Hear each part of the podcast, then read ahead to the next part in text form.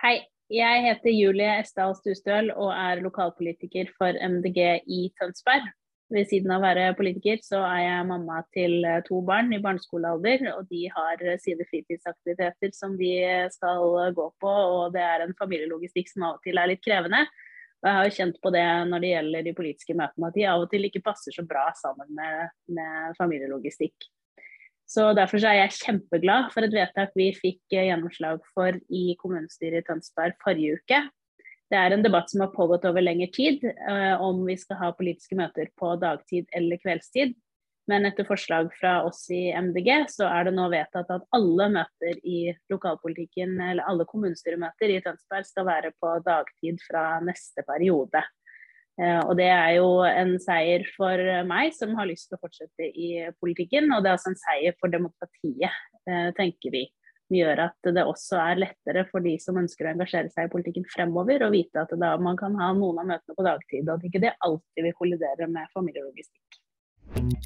Grønn torsdag. Hei og velkommen til Grønn torsdag, denne gangen fra Tønsberg, og jeg sitter for en gangs skyld i samme rom som deg, Jon. Det har aldri skjedd før. Det har faktisk aldri skjedd før. Jo, vi har vært i samme rom, men ja. ikke på Grønn torsdag. Ikke på og Grønn torsdag. I hvert fall ikke i Tønsberg. Og i hvert fall ikke i Tønsberg, nei. Og det betyr at vi begge må ha hodetelefoner og sånn, fordi at hvis ikke så blir det veldig mye rart med lyden. Mm. Um, ja. Nei, dette blir veldig annerledes, så får vi se om vi greier å takle det. Vanligvis har vi hatt et par skjermer mellom oss, så det har vært litt tryggere, kanskje? Ja, mye, mye tryggere. Eh, jeg, kjenner, jeg føler meg trygg på deg, Jon, jeg må bare si det. Men vi mm. har nettopp nå sett en liten uh, film med en lokalpolitiker fra, fra Tønsberg. Julie Stuestøl, ja. Mm. Stemmer.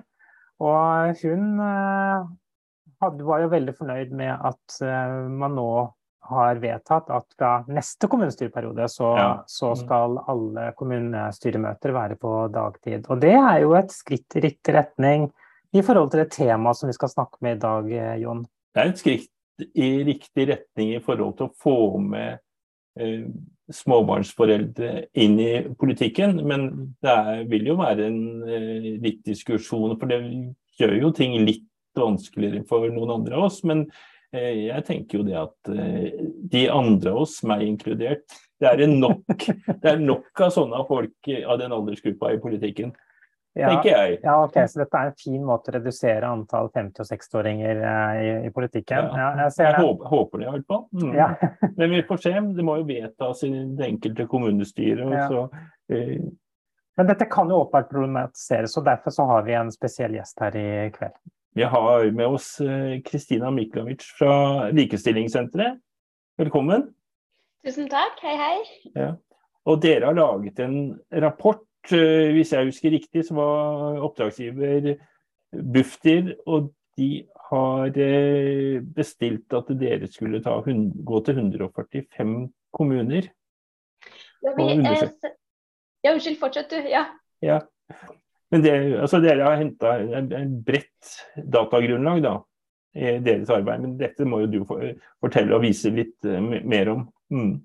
Ja, takk. Jeg har en presentasjon, så jeg tenker jeg slår opp eh, den her. Sånn at de, de som hører på podkast, får jo ikke sett det, men eh, de som ser det på YouTube, kan da kikke litt. Høres det fint ut? Det høres ut som en perfekt plan. Vær så god, Kristine. Takk. Jeg skal bare flette litt sånn. Ja, eh, mitt navn er jo Kristina Miklovic, og jeg er rådgiver ved Likestillingssenteret. Og Likestillingssenteret vi ble etablert i 1983 av bl.a. Berit Aas, som stiftelsen Kvinneuniversitetet på Løten, for å gi litt bakgrunn på hvem jeg er og hvor eh, jeg kommer fra. Og I takt med tida og likestillingsdebatten så skifta vi i 2008 navn til Likestillingssenteret. Og vi holder i dag til på Hamar. Og vi jobber for like muligheter for alle, og arbeider med alle diskrimineringsgrunnlagene. Og nå skal jeg da gi dere helt ferske resultater fra kartlegginga vi har gjort det siste halvåret. Og rapporten er nylig fullført, så ferske er resultatene. Og vi har også lagd en kortversjon av rapporten med anbefalinger som sendes ut til alle partier og politisk ledelse i alle kommunene i løpet av oktober. Så det her kan dere også finne på eh, hjemmesida til Likestillingssenteret. Kortversjonen går mye raskere å lese, og hele rapporten, hvis man er veldig interessert i detaljene og kunne se litt mer om sitt fylke, eh, så går det an å bla seg gjennom den også og finne litt eh, juicy data. Så Målet med prosjektet det har jo vært å få flere kvinner og småbarnsforeldre til å delta aktivt i kommunepolitikken og innta flere, le eh, flere lederposisjoner. Og Kartlegginga er et verktøy for å utarbeide et kunnskapsgrunnlag som kan brukes som, eh, ja, som, kan brukes i nominasjonsprosesser og lokalpolitiske debatter for å øke den politiske deltakelsen.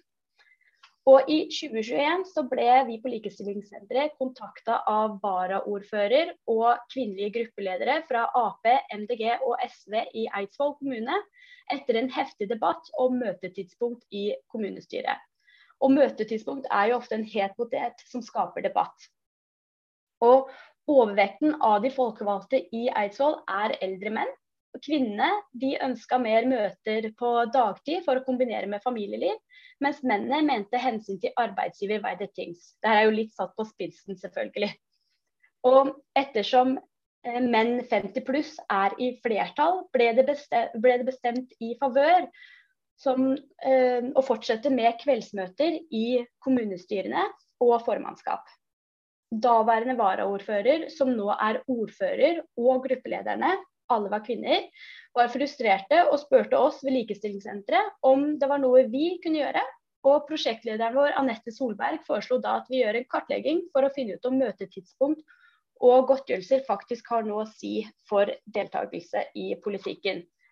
Og Erfaringa vi hadde i forkant viser jo det at skjønn og alder i kommunestyrer påvirker møtetid, og også at det er store forskjeller i godtgjørelser fra kommune til kommune. Så vi tenkte at her trenger vi mer kunnskap.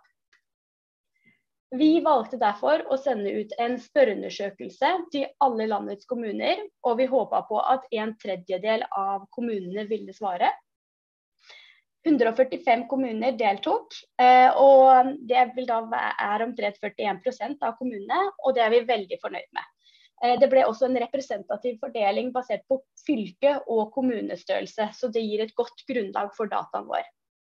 Vi gjennomførte deretter en statistisk analyse av dataene, hvor vi så på kvinneandel og andel småbarnsforeldre blant de folkevalgte opp mot tid i kommunestyre, formannskap og utvalg, opp mot da kommunestørrelse, og det grupperte vi små, mellomstore og store, og også opp mot fylke. Og i spørreundersøkelsen vår så svarte kommunene dessverre relativt dårlig på spørsmålet om godtgjørelser, så derfor valgte vi også å gjøre en dokumentanalyse av alle forskrifter og vedtak knytta til godtgjørelsene i alle de 145 kommunene. Eh, bare to sekunder. Var det, var det store ja. forskjeller i disse godtgjørelsene? Bare sånn nysgjerrig spørsmål, siden jeg ja, det, det, er, det, er, det vi fant. Og det kommer jeg litt tilbake til også. Eh, det var jeg som satt og jobba med godtgjørelsen og leste alle de vedtakene og forskriftene, og det er veldig varierende. Eh, og her ser vi også at dette kan Godtgjørelsene er, er nok en, en del av det som knytter til hvorfor det er så Eh, eller hvem som har tilgang til økonomisk tilgang også til å delta, påta seg verv som folkevalgt. Så mm. eh, i, i, korte trekk, ja, det, det, er store forskjeller. Det er det. Ja, takk. Mm. Det var ikke meninga å avbryte, men det var det Nei, sånn. Det er ja. veldig fint. Spør i vei, det er bra. Mm. Um, når det gjelder kvinneandel, da, så, så vi at, ser vi at det er generelt lavere kvinneandel i små og mellomstore kommuner enn det er i de store kommunene. Og de store kommunene de ligger stort sett på 40% kvinner. Det er generelt bedre kvinneandel i formannskap enn kommunestyret, og her ligger gjennomsnittet på 44% mens det for kommunestyret ligger på 39% i vår undersøkelse. Og dessverre så er Innlandet dårligst i klassen blant um, fylkene, og her ligger kvinneandelen mellom 32 og 35% i kommunene som har deltatt i vår undersøkelse. Så Derfor tenker jeg at i Innlandet så har vi en skikkelig jobb å gjøre i nominasjonskomiteene fremover. Er det noe du kjenner deg igjen i, Jon? Dette med Innlandet og dårlig kvinneandel? Nei. Nei, jeg tror det løten var, var, litt bedre. Jeg måtte jo sjekke det. Eh, eh, hvis jeg telte riktig, så var det vel eh, litt, litt over gjennomsnittet på kvinneandelen. Men det kan hende at jeg telte litt sånn spesielt. men, men, men, det må, må, vel sies det, Kristina, at uh, i motsetning til kommunestyret så er formannskapet faktisk lovpålagt uh, uh, kjønnsfordeling, er det ikke det? Det er, hvis jeg husker rett nå, så er det i utvalg og eh, råd at det, er denne, at det er lovpålagt om 40% men ikke i kommunestyret og formannskap. Ja, okay. Ja, mm. så det er, men jeg skal også fortelle litt uh, mer om det også, tenker jeg. For det, mm. det, er noe som vi ser påvirker også. Så her, mm. dette er, det er ikke bare en quick fix her, her er det sammensatt. Mm. Ja. ja.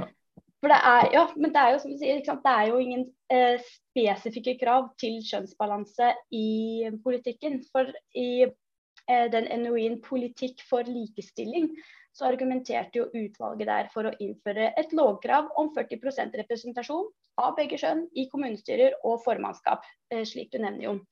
Eh, men så er det det at lokalt selvstyre det står veldig sterkt. Og det er derfor utvalget endte med å ikke anbefale det videre. Så i dag så er det jo kun utvalg og kommunale råd som nevnes under bestemmelsen om 40% kjønnsbalanse i kommuneloven. Og videre da, så var det jo ved endringa av kommuneloven i 2020 at det ble lagt til at det, kan, eh, det, kun skal følges opp så langt det er mulig. Så Slik så ser vi jo også at det er vært et svekke, at kravet om kjønnsbalanse i politikken det har blitt svekket. Og det er på ett vis så er jo det en behagelig endring som gjør at små kommuner som ikke når kravet om 40% de kan, eh, På et vis så kan de jo da fortsette som før, siden det er her vi så at det var lavere andel eh, kvinner. Eh, man kan da heller kanskje se til andre grunner til hvorfor det eh, ikke er kvinner. At det kanskje kvinner ikke melder seg like mye, eller at det, eh, det her er de som har meldt seg til folkevalgt, så vi kan ikke tvinge noen istedenfor å se på hva er det vi må gjøre av strukturelle endringer.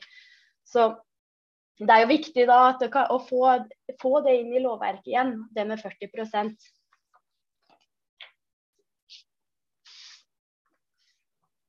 Og vi valgte også å spørre spesifikt om hvor mange kvinner og menn som satt i utvalg knytta til plan og næring og oppvekst, men også helse og omsorg. Og vi hadde jo noen fordommer og erfaringer som tilsier at eh, kvinner i større grad velger de to sist, sistnevnte, mens menn i større grad velger plan og næring. Og fordommene våre de viser seg å slå til. Resultatene her viser at det helt klart er en trend som går igjen i kommunene. Mens kvinner er høyt representert i utvalg knytta til oppvekst og helse og omsorg, så er det slik at menn er høyst representert i utvalg for plan og næring. Og det som også er da, Siden at utvalg og komiteer kommer inn under lovkravet om 40 eh, kjønnsbalanse i kommuneloven, så skal jo utgangspunktet alle kommunene innfri, vil man tenke. Men det vi så var at det var 31% av kommunene som delte som ikke innfridde kravet om 40% kjønnsbalanse i utvalg knytta til plan og næring. Og for oppvekst så var det kun 12% av kommunene som ikke innfrir. Og for utvalg knytta til helse og omsorg kun 7% Og enkelte Ja, jeg hørte det, Ja, du hørte at jeg hadde lyst til å spørre et spørsmål. Ja. Eh, er det noen Er det en eneste kommune hvor det er mer enn 60% kvinner? Ja, det er det. Jeg må innrømme, jeg husker ikke akkurat hvilke det er, men det, det som er, er at det, det er jo også motsatt vei. hvor at helse og omsorg f.eks. Der er 9% av kommunene de har da eh, mannsandel som er Nei, unnskyld. Eh, de har um, i helse og Spurte du om plan og næring nå, eller eh, Generelt. Generelt, generelt ja. Ja, mm. ja. fordi i um, utvalg knytta til helse og omsorg, så ser vi jo da at det er eh, Der er det jo overrepresentasjon av eh, kvinner som oftest. Og det er mm. Er at det, hvor det er 9 av kommunene som, eh, har, som, har, en mannsandel under 40% da. Mm. Mm, skjønner. Ja, men ja. det er interessant. Ja, så det, er, så det, går litt begge veier. Det er viktig at vi, det kommer balanse på begge sider. Men det, trenden vi ser, er jo at det er eh, kvinnene som også må opp og frem i uh, kommunepolitikken. Så um, det vi ser også er jo at det er store forskjeller mellom fylkene. Eh, Troms og Finnmark og Nordland, hvor det er mange små kommuner, de kommer dårligst ut. Spesielt med, ved, når det gjelder utvalg knytta til helse og omsorg.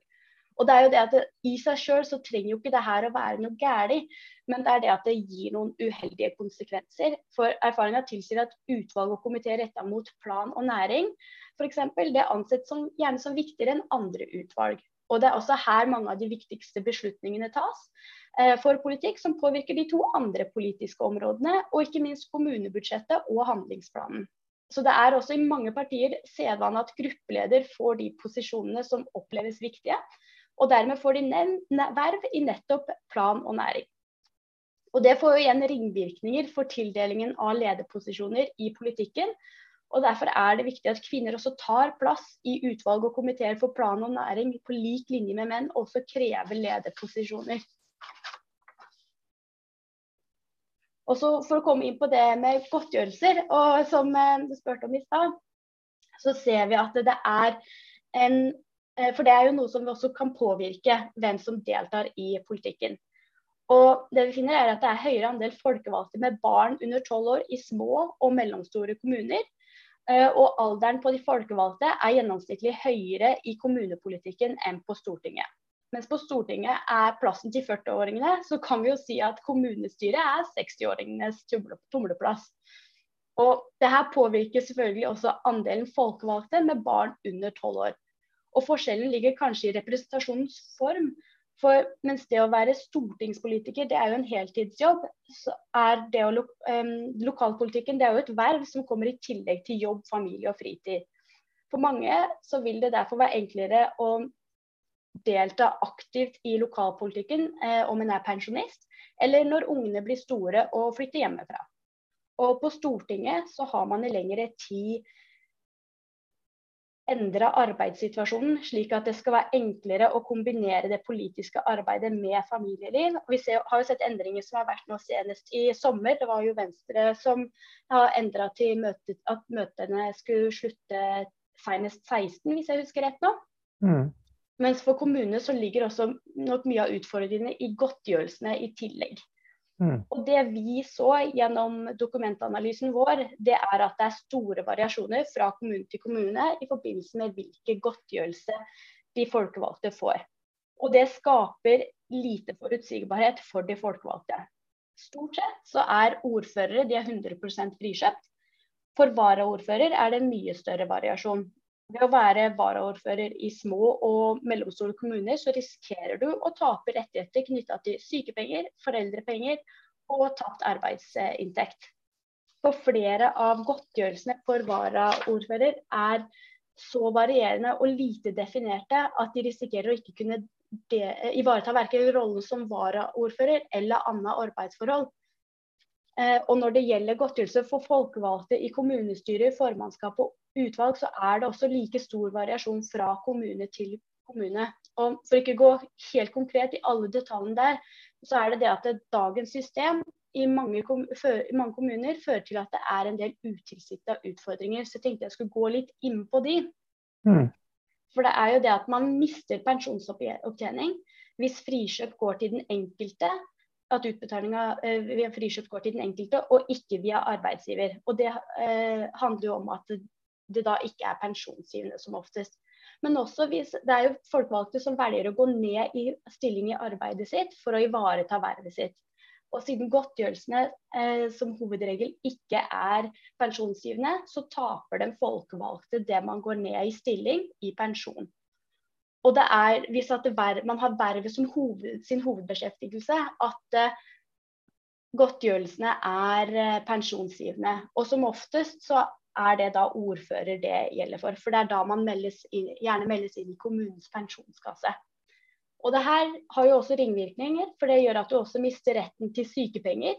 Eh, fordi sykepenger er opptjening av det er, er som hovedregel basert på pensjonsgivende inntekt. Og igjen, det er hvis du har vervet som hovedbeskjeftigelse at det er godtgjørelsen er pensjonsgivende. Og siden da sykepenger eh, er avhengig av pensjonsgivende inntekt, eh, så taper man det også. Og det samme går også på da foreldrepenger. For foreldrepenger baser, beregnes ut fra reglene på sykepenger også.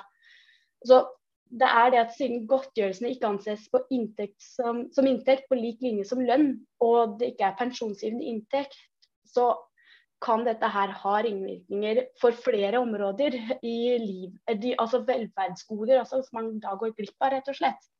Hmm. Kristina, er det ja. noen nasjonale anbefalinger her, eller gjør kommunene bare egentlig litt som de vil. Jeg vet jo vi har et prosess der jeg mm. i Løten, og da sjekka vi hvordan det var i de kommunene rundt. Og så eh, valgte vi litt ut fra det, da. Mm. Det er dessverre ikke noen nasjonale anbefalinger, og det er noe vi på Likestillingssenteret oppfordrer til.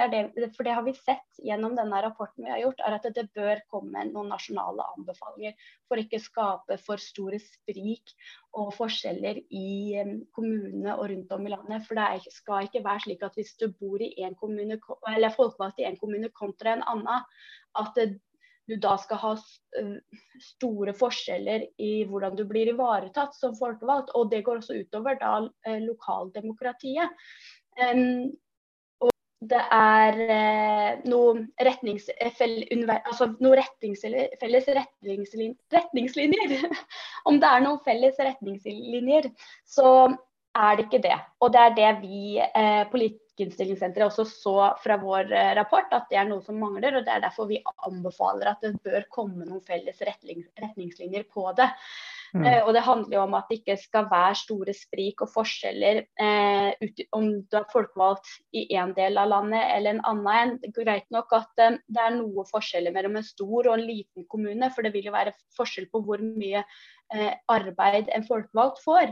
Men så er det også noe med det at vi ser at det, eh, om du er i en stor kommune eller lite kommune, så er det også veldig sprikende på noen eh, godtgjørelser. Så kunne det være bedre eh, eller I noen kommuner så kunne det være bedre godtgjørelser på visse ordninger i små kommuner kontra en stor kommune, noe som man tenkte kanskje, at kanskje ikke ville vært tilfellet ut ifra arbeidsmengde og sånn. Så det er derfor det er viktig at det også kommer eh, generell, noen generelle anbefalinger. For det er ikke det at det skal, man skal ha dårligere godtgjørelser om man er i en liten kommune heller. Det er noe med at det skal være mer likestilt. da.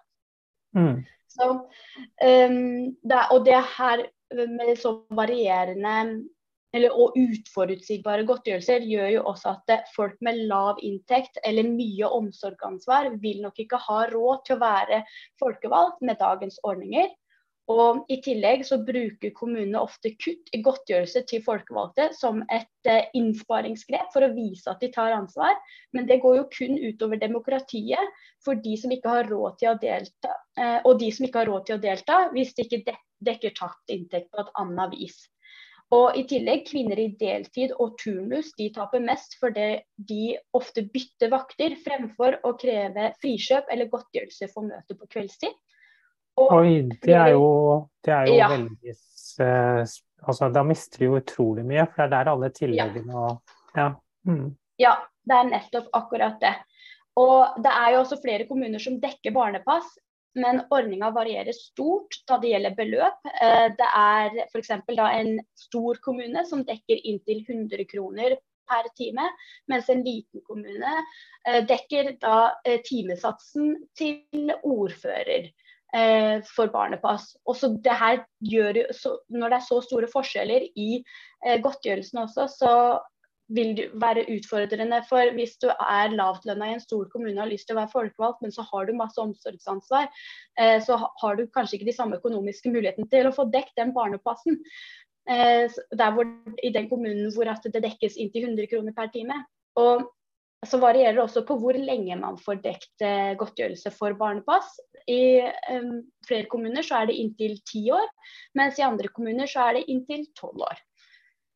Og Trendene av analysen vår den viser jo at det er en del variasjoner fra kommune til kommune i forbindelse med godtgjørelse og frikjøp.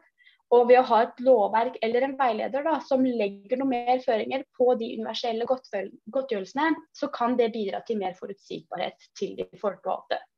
Og I tillegg så vil det jo være en fordel for lokaldemokratiet, for det kan gjøre at det, det blir en bredere representasjon i det som kan være folkevalgt. Og slik godtgjørelsene er ordna nå, så er det jo sosioøkonomiske strukturer som tilsier hvem som kan ta på seg verv pga. manglende pensjonsopptjening, eh, rett til sykepenger, foreldrepenger og bl.a. frikjønn, som nevnt, så er det ikke alle som har råd til å ta på seg verv. Og jeg gjentar det fordi dette er et så viktig poeng.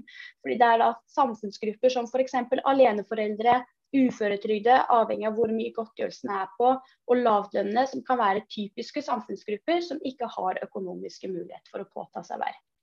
Mm. Og ja, og så er det jo det tilbake til de kvinnene som er i deltid og turnus. Så en, et annet aspekt er jo at det, det er så oftest kvinner i lavtlønna yrker og manglende forutsigbare godtgjørelser som fører til at det er færre kvinner som deltar i lokalpolitikken. Så Det er altså en risiko for at godtgjørelsene påvirker mangfoldet og demokratiet i kommunene negativt, ved at det ikke legges til rette for alle i samfunnet vårt.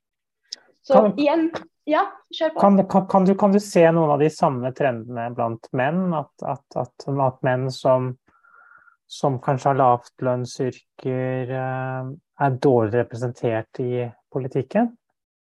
Altså det, eh, Vi undersøkte ikke det spesifikt, sånn, mm. Eh, men det er jo det noe som er en eh, som annen eh, forskning viser. Men det vil jo være altså generelt, som jeg nevnte nevnte i stad, så er det jo de sosioøkonomiske forholdene som da nå kan, pga. godtgjørelsene kan tilsi eh, hvem som kan delta. Og da vil jo det også inkludere menn eh, som er i lavtlønna yrker, som, eh, eller lavtlønna inntektssituasjoner også. Så det, det, også påvirker da demokrati. For da det, går det også på hvilke sosiale klasser, samfunnsklasser er det som kan delta eh, eller påta seg verv som folkevalgt. Så mm. uten at det, jeg har et sånn konkret statistisk svar til deg, så eh, basert på det vi ser med godtgjørelsen og da det sosioøkonomiske rundt så vil jo jeg si at det vil jo også påvirke eh, hvem av menn som kan delta. Mm. Ja, takk. Mm. Så igjen, Det er jo det å stille noen helhetlige krav eller veilede kommunene om hva som skal gis av godtgjørelser som vi mener er viktig. Og Det bør også stille krav til at arbeidsgiver får tilbakebetalt for frikjøp, og at det ikke går til den enkelte. For da sikrer vi jo at alle har rett til sykepenger, foreldrepenger, pensjonsopptjening og lignende. Så det som da er, er jo at det er litt om hvordan godtgjørelsene påvirker det, men så er det også det med møtevirksomhet, som også er litt av temaet i dag. Eh, på eh, tittelen til møtet i dag. Så eh, Generelt så varer jo kommunestyremøtene lengre enn formannskapsmøter, eh, noe som ikke er eh, veldig sjokkerende. Og store kommuner de gjennomfører midlertidig mer møter på kveldstid enn små kommuner. Men enda mer avgjørende er hvor i landet man bor. For i Nord-Norge og Vestlandet så gjennomføres stort sett alle politiske møter på dagtid. Og dette er også områdene med flest små kommuner og lang reisevei. Så det er kanskje naturlig at de har flest møter på dagtid. Eh, I Innlandet, hvor vi har jobba målretta over mange år med likestilling i politikken, så er det mer hybridvarianter der annethvert møte er dagtid og kveldstid.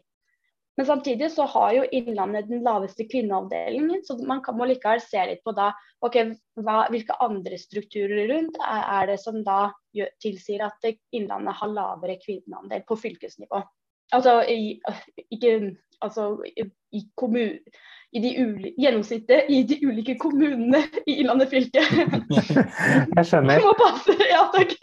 Det er noe med, det noe med å stokke, ja, det er noe med å stokke tunga rett her, Kristina. Yes. Eh, eh, altså jeg sjøl er jo kommunestyrerepresentant i, i, en kommune som er en tidligere opplandskommune, og som ikke er en del av ja. Innlandet, by the way. Eh, men ja. der er det også mm. hybrid, så, så, det er jo noe som har vært eh, felles for både Oppland og Hedmark, da, tydeligvis, at man har tenkt mm. i baner. Mm. Mm. Helt riktig. Mm. Og for Østlandet sin del, og spesielt Viken, så gjennomføres stort sett det meste av møtet på kveldstid. da. Så det er noen unntak for formannskapsmøter hvor de gjennomføres som en hybridløsning eller på dagtid, men det er unntak og ikke hovedregelen, ser vi. Og andelen store kommuner er jo da også større i Viken. Og kvinneandelen er stort sett innafor 40% i de store kommunene, som vi så.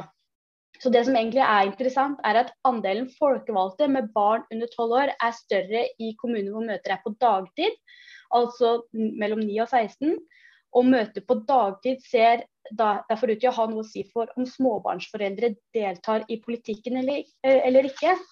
Men det har ikke det har ikke mm, like mye å si for kvinneandelen. For da vi så at det er flest kvinner med i store kommuner sammenlignet med de mellomstore og små kommunene, så har jo også store kommuner i stor grad møte på kveldstid. Så mm. her ser vi det at møte på dagtid, ja da har det noe å si for om småbarnsforeldrene er med eller ikke, men det har ikke nødvendigvis like mye å si for om kvinner er med eller ikke. Og lengden på ja. er, er, det gjort noe årsaksanalyse på års, altså hvor, hvorfor er det sånn at i store kommuner så er det mer på kveldstid? Er er det, er det gjort noe for studie på det? Nei, Eh, det har ikke vi fått gjort. Det, mm. Det, vi har ikke hatt mulighet til det i denne kartlegginga. Nettopp fordi dette her har vært en kartlegging først. Eh, så mm. eh, der er jo noe som må gjøres, forskes mer på for å nettopp kunne finne mer ut av det her. Og da får man jo også jobba mer systematisk med okay, hvordan kan det settes inn strukturer som ivaretar da eh, bred, en bredere representasjon og er mer inkluderende. Mm. Regner med at dere søker på midler til den forskningen, eh, Kristina? ja, altså Nå skal ikke jeg snakke på hele veien.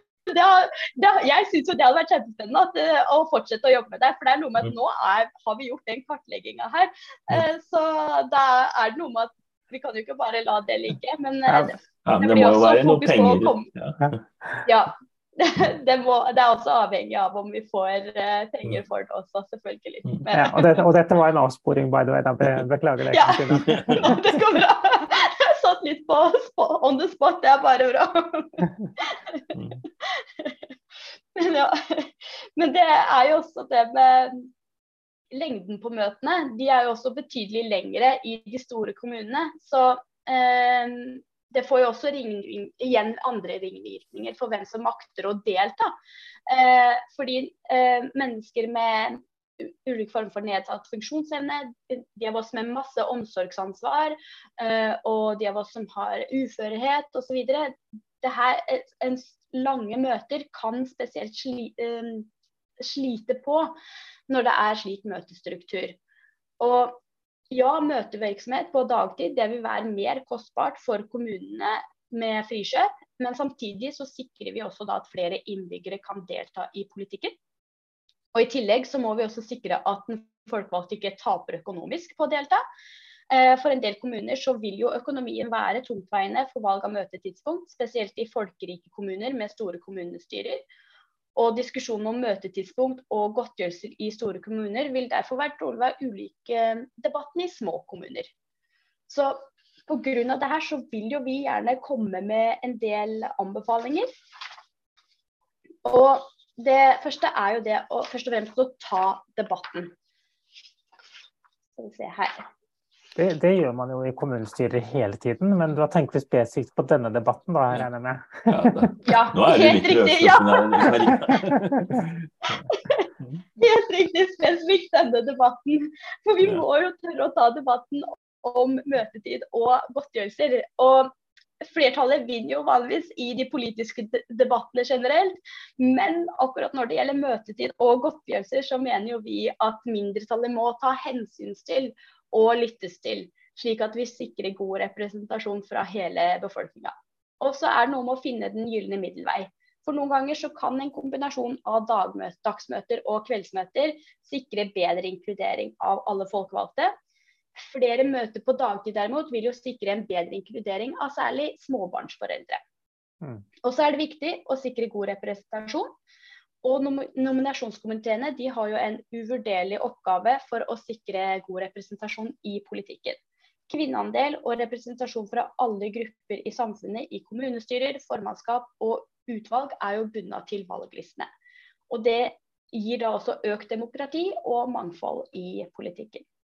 Og så er det viktig å gi god informasjon om hva folkevalgte kan forvente i forkant. Eh, både nominasjonskomiteene og partiene må ha opplæring og ærlig informasjon om hva vervet innebærer, slik at de framtidige folkevalgte vet hva de går til. F.eks. informasjon om hva man bør vente av møte, eh, mengde møtepapirer i hvert av politis, eh, de politiske organene. Informasjon om forventa møtelengde kan også være viktig å ha med. Ikke minst så bør det jo også informeres om møter, at møtemengden kan bli større i enkelte perioder eller i posisjonssamarbeid. Realistiske forventninger det kan også skremme noen fra å stille som listekandidat, men samtidig så vil det jo trolig føre til at de folkevalgte er bedre rusta til å ta fatt på oppgaven, men også bli i vervet over tid. Så god informasjon og klare forventninger det øker jo sannsynligheten for gjenvalg og god utførelse av vervet. Er dette noe du kan kjenne deg igjen i, Jon? At du fikk god informasjon om dette før du ble folkevalgt? Nei. nei, nei, jeg visste vel egentlig ikke hva jeg gikk til. Og mm. jeg, jeg kom jo også inn på vippen, så jeg var jo Jeg starta med å bestemme hvem som ble ordfører, og det var litt sånn eh, voldsom start på det politiske livet. Ja, det vil jeg tro. Det vil jeg tro. Men eh, Kristina, eh, møtelengde har jeg vært mm. litt fascinert Man ser jo av og til eh, i, i, media at eh, møtene må til langt på natt. Eh, mm. Men eh, i Løten så er det vedtatt en møtetid, og går vi utover den, så må vi sette opp et nytt møte. Altså, vi vet det at det er noen småbarnsforeldre eller andre som har noen forpliktelser. Så når møtet er satt opp fra seks til ti, så klokka blir ti, så avslutter vi. Og så skulle det være noen saker igjen, så må de eh, komme på et ekstraordinært møte. Og det tenker jeg er kjempebra. Og mm. unnskyld, nå avbrøt jeg kanskje? Nei. Overhodet ikke. Overhodet ikke. Ja, ja, for det er eh, for det er noe med da, da når det er da nedskrevet, så er det da en altså, da er det en tydelig forventning om hva man skal forholde seg til, og det gir forutsigbarhet også. Uh, og, det, og, det, er jo ikke alle kommuner som har det nedskrevet. Og igjen, det viser egentlig at det er behov for mer forskning, også på folkevalgte med barn, og også yngre folkevalgte også. For vi ser jo at det er eh, variasjoner for yngre folkevalgte. og det er Eh, det er gjort litt forskning allerede på yngre folkevalgte. og eh, Det var vel Telemarksforskning, hvis jeg husker rett, som eh, hadde en um, hvor, Eller hvor det var snakk da om at de yngre nå må jeg bare tenke, så, for jeg, jeg husker tek, Jeg ser bildet av teksten, men det er det å huske hva som står der. men, men, det å da At det å, det å få nok informasjon eh, om hva som ja, møtelengde f.eks., som jeg vi nevner her.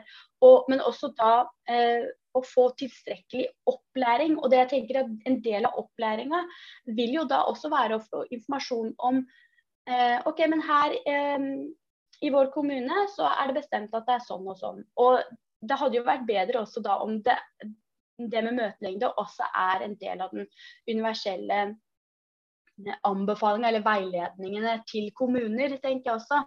Eh, for det er, eh, som i Løten, da, som du sier, at det, dere er klar over at det er eh, småbarnsforeldre. Og, men så er det også det at det, selv om man har påtatt seg et verv, så er det det at det, en gang iblant så trenger folk en pust i bakken. Og det å holde på i mange timer, så er det noen ganger viktig å tenke at kanskje vi skal sette en strek her og heller komme tilbake, for da får vi litt noe mer produktivt ut av møtet også. Det kommer jo sikkert an på sakene og eh, hvor korte frister, om det er noen hastesaker og sånt også. Men det er derfor igjen det er viktig med det med forutsigbarhet og struktur, da. Som, eh, eller rammer som sikrer eh, forutsigbarhet. Sånn at de folkevalgte vet mer hva de skal forberede til. Og så er det jo Jeg tenker jo det, da, at det, når vi har mer informasjon om noe, og vi har fått opplæring av andre som da har vært i et verv, eh, så føler man seg jo tryggere. Og da kan man også eh, ta, tørre å delta mer i debatten også. Eh, og ta til ordet, selv når man er ny. Og det, da er det også kanskje lettere å spørre andre folkevalgte hvis det er noe man er usikker på. fordi at man har da fått en, grunn, på en, måte en grunnopplæring. Eh, og så må man selvfølgelig ta vervet til sitt eget. Eh, og det er jo derfor man også gjerne er folkevalgt, fordi man kommer med noe eget som eh, man tror på eller som de som har valgt de som har valgt en folkevalgte, tror på at ja, vi har trua på at du kan gjøre en god jobb. Så det er jo viktig å, en, å sørge for at man har en god opplæring, sånn at det, de folkevalgte står trygge til å kunne bruke av seg sjøl, tenker jeg da. Så man ikke går og er eh, usikre. Eh, for jo mer tid man bruker på å være usikker, så eh, får man jo ikke brukt like mye tid på å utforske på samme måte og kanskje bruke av seg selv. Altså Nå syns jeg jo litt, for å være helt ærlig, og bruker av mine egne tanker. Eh, så dere får ta Det er lov å være uenig i det, det jeg sier her. Men det er jo eh, litt for å gå tilbake også til de anbefalingene, så er det jo Ja, det går jo egentlig på det eh, jeg har drodla litt høyt om nå, er jo det å sikre gode, likeverdige ordninger. For det å være folkevalgt det er tidskrevende, og det må godtgjøres tilstrekkelig for å sikre like muligheter for deltakelse. Eh, politikernes arbeid kan ikke være en salderingspost i kommunebudsjettet. Og myndighetene bør vedta felles retningslinjer for politisk verv, sånn at det sikres mangfold og demokrati i lokalpolitikken. For det må på plass bedre ordninger for varaordførere, ser vi, og frikjøp av gruppeledere vil sikre at representanter fra flere partier får større mulighet til å utføre vervet. Og frikjøp og godtgjørelser det bør utbetales månedlig og være pensjonsgivende. Det går tilbake til at sykepenger og foreldrepenger f.eks. For beregnes ut fra eh, pensjonsgivende inntekt fra de tre siste månedene. Uh, og kommuner bør også ha betalt barnepass til og med året barnet fyller tolv år, det er da i tråd med folketrygdloven eh, og sykt barnedager.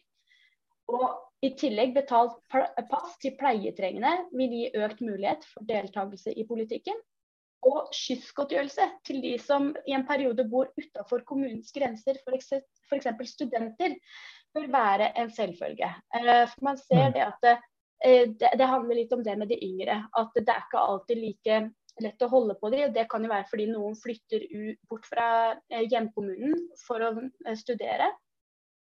Men eh, hvis at det er eh, skyssgodtgjørelser for de, altså det betyr ikke det at det, man skal reise første klasse på eh, en transport, men det at de i hvert fall får dekt en del til å kunne eh, reise til hjemkommunen for å fortsette å ivareta det politiske vervet sitt og delta på møter, gjør jo at man kan få en kontinuitet også blant de unge og klare å beholde de bedre. Og I tillegg så er det det med å ut, det er viktig å utfordre normene innad i kommunepolitikken. Eh, for det, det, Da mener jeg da utfordre normene knytta til verv og deltakelse i politikken.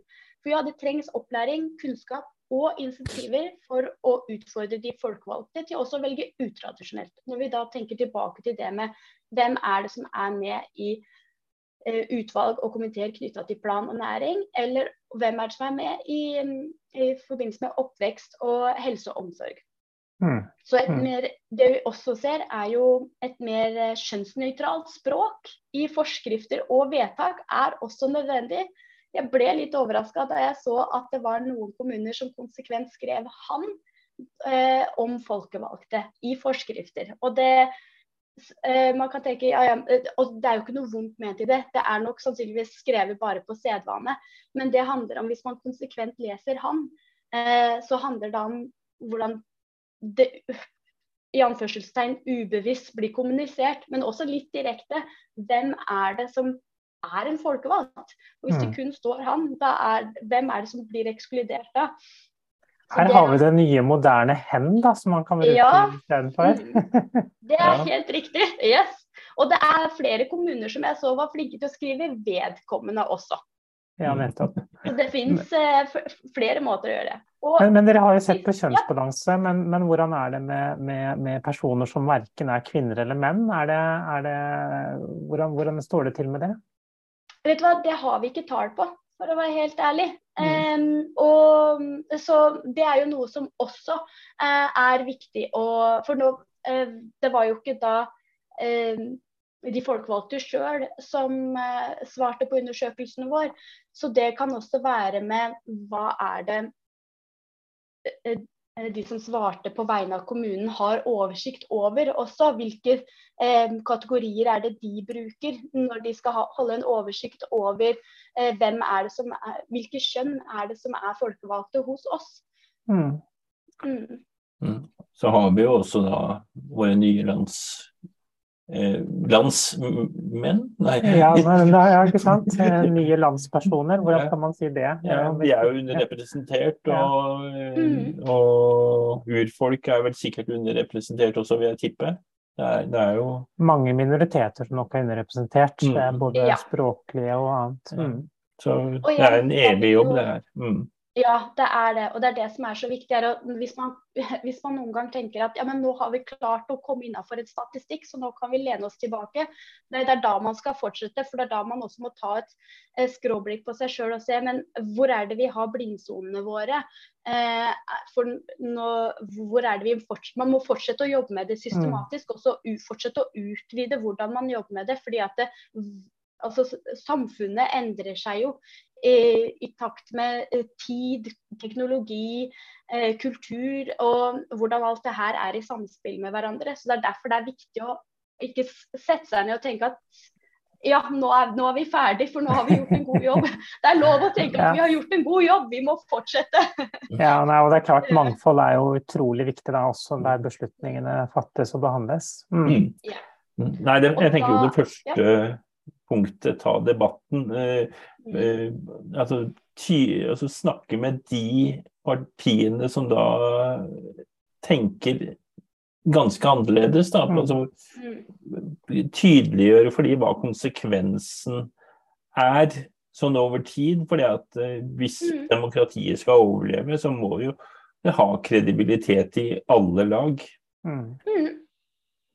Og og så ser vi jo det at uh, det er noen partier som har flest folk som eh, syns det er greit å ha møter på, på, da, på kveldstid f.eks., og det er jo da en spesiell hva skal vi si, det er, det er, Nå er jeg litt fordommer her, kanskje, men, men at det, det, ja. man har en interesse av det. At man, min, min velgergruppe er nok der. Altså, mm. er det noen som tenker, det er ikke sikkert at det er riktig, men altså, så det er gode grunner til å ta debatten og se det er jo en kamp, altså Demokratiet blir jo utfordra på alle kanter nå. Mm. mm. Ja, gjør det. Og når man tar debatten, så er det også eh, Når man tenker ta debatten, så tenker man jo men da skal vi snakke. Og da er det så viktig også å ikke glemme at det er like viktig, kanskje mer viktig, å lytte. Eh, mm. Sånn at de, som, de av oss som kanskje som ikke tør nødvendigvis å si høyt, men det her gjelder altså Det som alle mener nå, det passer ikke for eh, livssituasjonen til meg og mange flere i lignende situasjoner. Så Det er så viktig at det, da skaper man det rom, i debatten at man skaper det rommet hvor, det, hvor vi lytter til hverandre også. Mm. Mm. Og så tenker jeg jo også, Det er kjempeviktig å få fram at det, krav om kjønnsbalanse må jo gjeninnføres for alle utvalg oppnevnt av kommunestyret. Det er jo veldig synd at det er gått bort fra. Hvordan er det det pleier å stå i våre statutter nå, Jon? Det står gjerne at det skal være så og så mange av ulikt kjønn? Ja, det ble litt vag, eller ikke vag, men litt rar formulering som da ender opp med å være Kjønnsnøytral, i hvert fall. Ja. Definitivt. Mm. Eh, på alle måter. Så eh, ja, nettopp. Mm. Men eh, det er jo ikke tvil om at er, kjønnsbalanse er vanskelig å få til i, i små kommuner. Og eh, det er mangel på folk i alle ledd. Så, men det er nok allikevel god grunnlag for å utfordre også i de ordentlige små kommunene. Mm. Mm. Hvordan, hvordan, er det hos deg, Arne? Jeg så du rakk opp handa. Jeg, jeg, gjorde det til slutt fordi det er så vanskelig å følge sånn snakk i munnen hverandre-debatt, sjøl om vi er veldig få når driver på Zoom. Så jeg har holdt meg litt i bakgrunnen. Men jeg syns det er en veldig interessant eh, debatt. Og jeg har jo følt meg litt eh, på et vis pekt på i denne saken her. For, eh, for jeg er jo da i den kategorien at jeg gjerne kunne tenkt meg møter på kveldstid. Jeg er i en kommune der alle møter er på kveldstid. En kommune som for øvrig er forbilledlig følger faktisk alle dine anbefalinger her. Jeg klarer ikke å finne noe du kan arrestere Oppdal kommune på. Det er, det har, vi har, gode, vi har gode godtgjørelser, vi har møte på dagtid, og vi har satt tiden der møtet skal være slutt, slik at det mm. går an å planlegge. Allikevel så ser jeg det at uh, vi er et kommunestyre som er befolka av uh, tre Nå telte jeg bare i hodet, men det er tre småbarnsforeldre der. Av dem så er det tre småbarnsmødre og ingen småbarnsfedre. Det er befolka av eh, tre heltidspolitikere og ganske mange pensjonister i denne gruppa.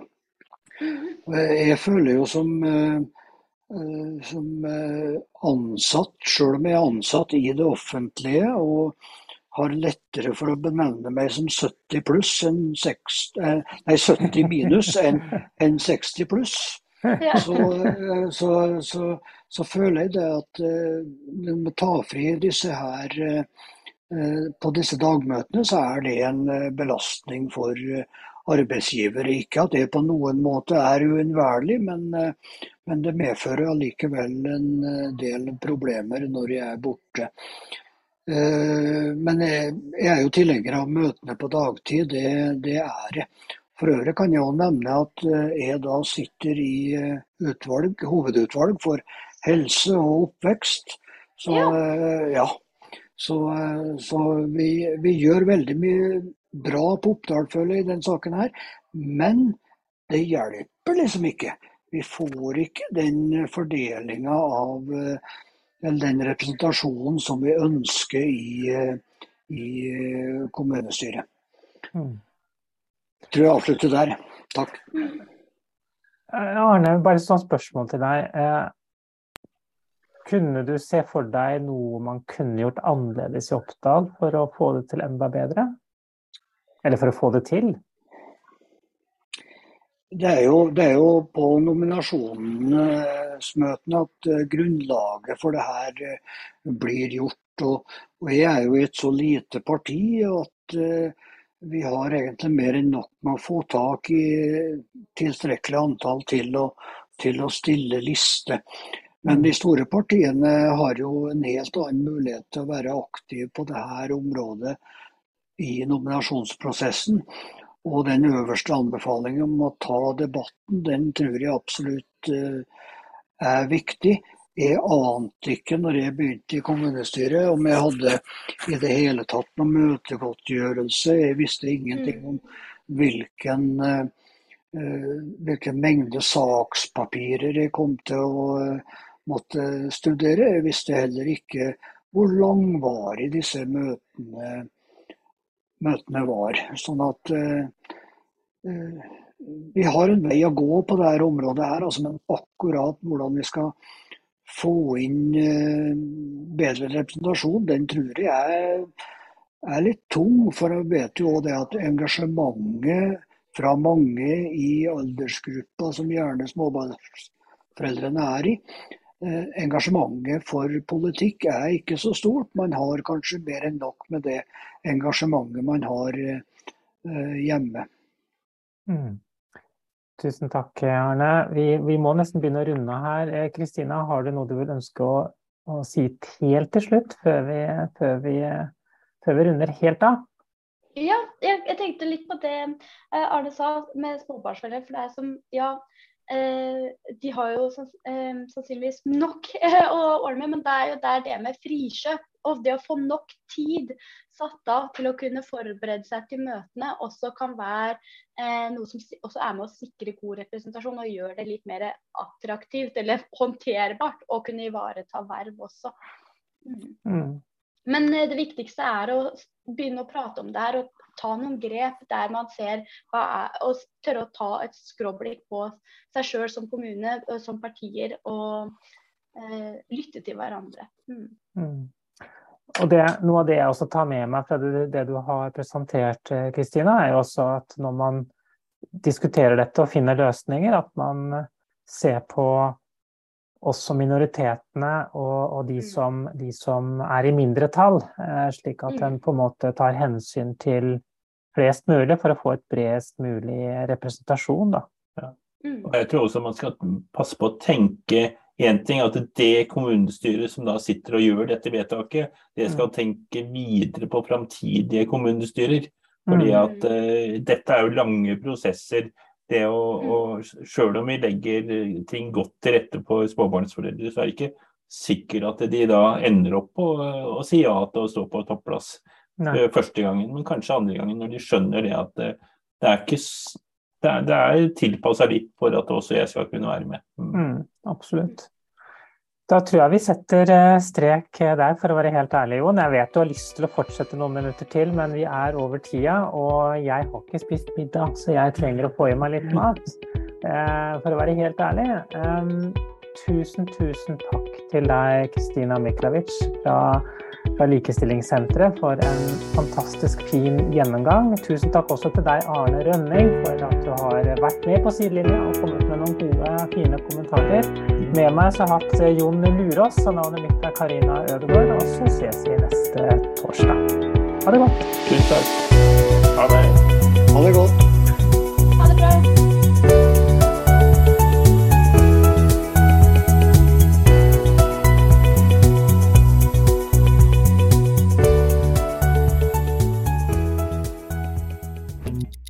Grønn torsdag.